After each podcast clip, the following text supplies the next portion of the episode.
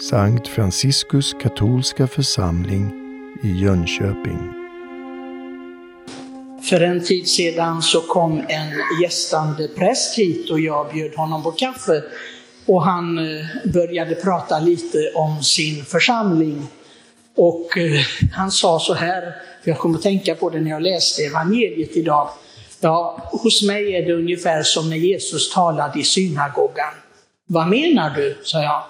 Jo, jag kan inte göra några underverk där. Det är precis som det inte hade någon effekt överhuvudtaget. De sitter där och gäspar när jag predikar och det, jag ser ingen förändring.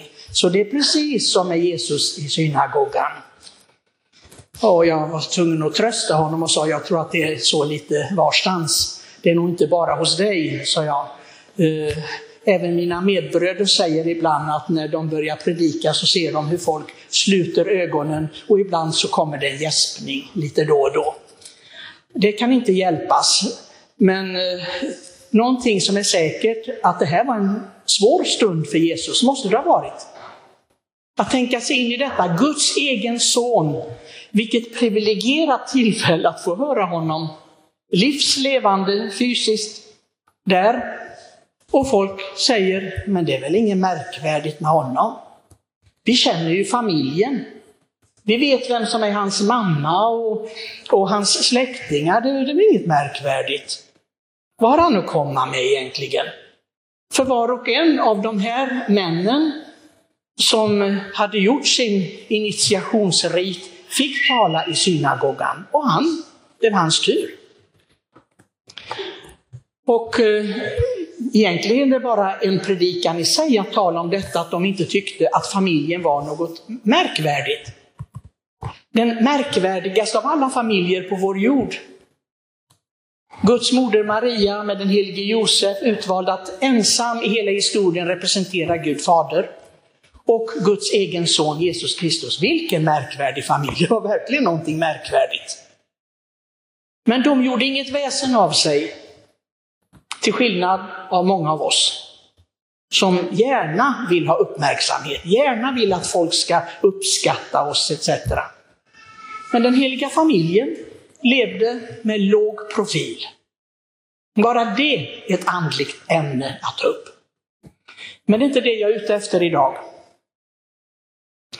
Det handlar om vad vi tar till oss när vi lyssnar. För Gud är här. Många gånger är det så att vi tycker inte att det är märkvärdigt nog.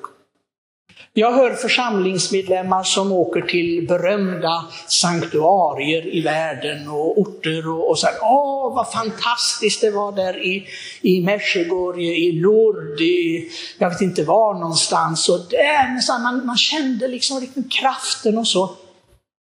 Och jag tänker för mig själv när jag hör detta, vad löjligt.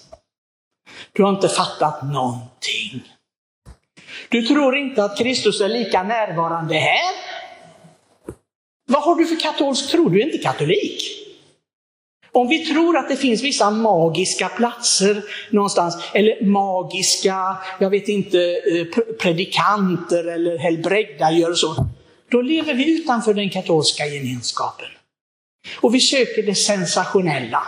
Därför att vi kan inte ta till oss det ordinarie sättet när Jesus Guds son förmedlar sig till oss. Och vi sitter där och tänker, vilken tjatig präst. Vilken tråkig musik. Vilken bedrövlig församling egentligen, den är inte så rolig. Vi skrattar inte ihjäl oss här i församlingen precis. Eller också är det någonting annat, bänkarna är för hårda. Det är för få toaletter. Och nu är det inget kyrkkaffe. Och det är för kallt, förut var det för varmt, nu är det för kallt i kyrkan för vi har, för vi har den här... Eh, alltid är det någonting, alltid är det ursäkter för att inte koncentrera sig på det man ska koncentrera sig på. Jag vill lyssna till Herren, sätta mig vid Herrens fötter och lyssna, lyssna, ta emot, ta emot, ta emot. Nej. Den helige Franciscus, jag, ville, jag var glad att den franciskanska sekularorden idag har ordnat med en gemenskapsdag. För då fick jag tillfälle att ta upp Franciscus av Assisi. Han var en människa som de flesta Vår kyrka är ju vigd till hans minne. Men Franciscus som hade allting, han var liksom han var över medelklassen kan man säga, för han var en väldigt rik person genom sin far. Men han fick ingen ro i detta. Precis som väldigt många människor idag. Bara skillnaden är att de flesta människor kanske täpper till det här hålet in i själen med andra saker eller andra upplevelser. Franciscus nöjde sig inte. Han visste att det här är inte nog för mig. Jag vill inte ha det här livet. Jag vill göra en förändring. Och han trodde på kyrkan. Kyrkan har ett budskap. Herren har någonting att säga till mig och jag vill ta det till mig. Han hade gått i mässan som de flesta andra i Assisi. Men, men någonting hade kommit in där. Franciscus gick ut och bad i en ödekyrka, San Damiano-kapellet. Han bad Herren om upplysning och så gick han in, inte till domkyrkan där biskopen var eller något. Han gick in till ett litet ynka kapell som inte ens är ett kapell idag. Det är bara en litet källarutrymme. Och där så var han del i mässan, han deltog i mässan och eftersom evangeliet lästes på latin så gick han fram till prästen efter och sa, jag vet inte riktigt om jag förstod evangeliet, men kan, kan fader förklara det för mig? Och prästen sa, ja det är från Matteus evangeliet och Herren säger, vill du bli fullkomlig, gå och sälj allt du äger och följ mig. Och Franciscus hade kunnat göra det som de flesta människor gör, jaha, Herren säger det, nu går jag hem och äter lunch. Men det gjorde han inte. Utan han tog det till sig. Nu har Herren talat till mig. För jag frågade ju Herren vad han, om, om ett budskap här och jag fick detta budskapet. Och han gjorde så som han hade hört i evangeliet. Och det gav upphov till historiens, kyrkans största klosterorden. Jag säger inte bästa, jag säger den största, numerärt största genom tiderna, det är franciskanorden med sina olika familjer och deltagare. Och ni vet, vi är första orden, vi är bröder, andra orden är klarissorna som vi tyvärr inte har i Sverige, och tredje orden som är sekularorden som har sin gemenskapsdag idag. Och deras fraternitet i vår församling heter Sankta Clara-fraterniteten. För Franciscus, det har blivit mycket tal om honom. Vad är det som var kännetecknande för Franciscus? Och många säger, jo, han levde ensam i grottor och han, han ville ha radikal fattigdom och så. Ja, det är en del av det. Men det är inte huvudpunkten när man läser Franciscus skrifter. Man ska alltid utgå från skrifterna. Och inte vad andra tolkar det som. Och där står det i hans testamente och Herren gav mig bröder. Och Herren gav mig bröder. Han såg de här bröderna som kom, han hade inte bett om att få några bröder, någon gemenskap, han hade inte tänkt på att starta någon orden. Men Herren gav hon dessa bröder som ville följa evangeliet som Franciscus. Och Franciscus fann sig med dessa tolv bröder, precis som Jesus med lärjungarna. Och säger nu, och nu då? Vad ska vi göra nu? Är detta på riktigt? Och alla i Assisi som först hade varit förvånade och, och, perplexa när de såg honom ta av sig sina kläder framför biskopen och de andra människorna och slänga dem tillbaka till hans pappa och säga, förut har jag kallat dig för min fader Pietro Bernardone. Hädanefter ska jag bara säga, Fader vår som är i himmelen. Och de säger, om inte detta är evangeliet, så vad är det då? Men då så säger Franciscus någonting väldigt egendomligt. Han säger, evangeliet tillhör kyrkan. Och jag tillhör kyrkan, denna, denna gemenskap. Och det måste vara kyrkans auktoritet, högsta auktoritet som säger är om jag lever det rätt eller inte, om jag har förstått evangeliet rätt eller inte. Det kan inte ni eller jag bestämma. Det är kyrkans texter, inte våra egna.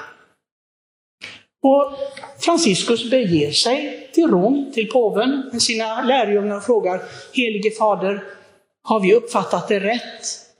är det så. Och påven ger honom välsignelsen och så blir det början till att skriva en regel. Men det var gemenskapen. Och detta fokusen på gemenskapen som en säkerhet att man sökte Guds vilja, det var så viktigt för Franciscus. Och man kan ju tänka, jag ser det ju också i våra kommuniteter, hur viktigt det är med att revidera livet hela tiden, att ifrågasätta, att hjälpa och stödja varandra. Dessa huskapitel som är nästan som heliga liturgier för oss, som vi har varje månad. Då vi går igenom vårt liv. Och man kan ju tänka då, ja men tänk bröder som är lite svagare och så, sen liksom alla bröder väl inte så där uppbyggande jämt och ständigt. Är de verkligen rösten för Guds ord? Ja, det är de, även de svagare. För de hjälper oss att ifrågasätta, att verkligen ta vårt liv på allvar och förstå det som Franciscus säger, att göra bot, att hela tiden liksom förändra våra liv. Förändra det till det bättre. Att inte heller haka upp oss på de yttre sakerna, hur vi klär oss, hur vi eh, liksom äter, hur vi bor och så. Att det, är inte, det är inte det viktiga.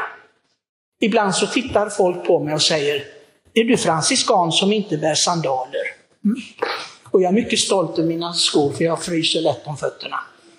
Och jag säger, Franciscus har själv sagt att det är provinsministern som bestämmer hur vi ska klä oss på olika orter. Det, det var inget heligt för honom. De yttre sakerna var inte heliga. Men kärleken är helig. Kärleken till med, medbröderna, till att sprida frälsningens budskap, det var heligt. Att leva i kyrkans gemenskap, det är heligt. Inte att söka efter sensationer. Vi befinner oss en plats där Herren verkligen förkunnar dag för dag. Inte bara i kyrkan, i våra liv. Vi kanske ska lyssna lite nogare på dem som vi har omkring oss. I våra familjer, på våra arbetsplatser, i vår vänskapskrets. Hur Herren agerar, hur han talar. Det är viktigt. För oss, för oss franciskaner är gemenskapen mycket, mycket viktig. Den är helig. Inte för att vi alla bröder är heliga, det säger jag inte. Men gemenskapen, detta att vi lever gemensamt och delar varandras liv, detta är heligt. Och han har ju lovat att där två eller tre är församlade i hans namn, där är han verkligen närvarande. Så låt oss uppskatta vår gemenskap i familjer, i församlingen, i våra kommuniteter i våra andliga rörelser och tacka Gud för detta. Ibland så, vissa av oss är lite så att säga obekväma. Det vet vi, och så ska det vara. Kanske till och med en Judas finns ibland oss, det, det vet vi inte, vi hoppas inte det. Men vi hoppas i alla fall att vi alla i dessa gemenskaper strävar efter samma sak. Och det är att få leva i den eviga gemenskapen hos Kristus. Och det är det vi kämpar för i denna synliga gemenskap. Amen.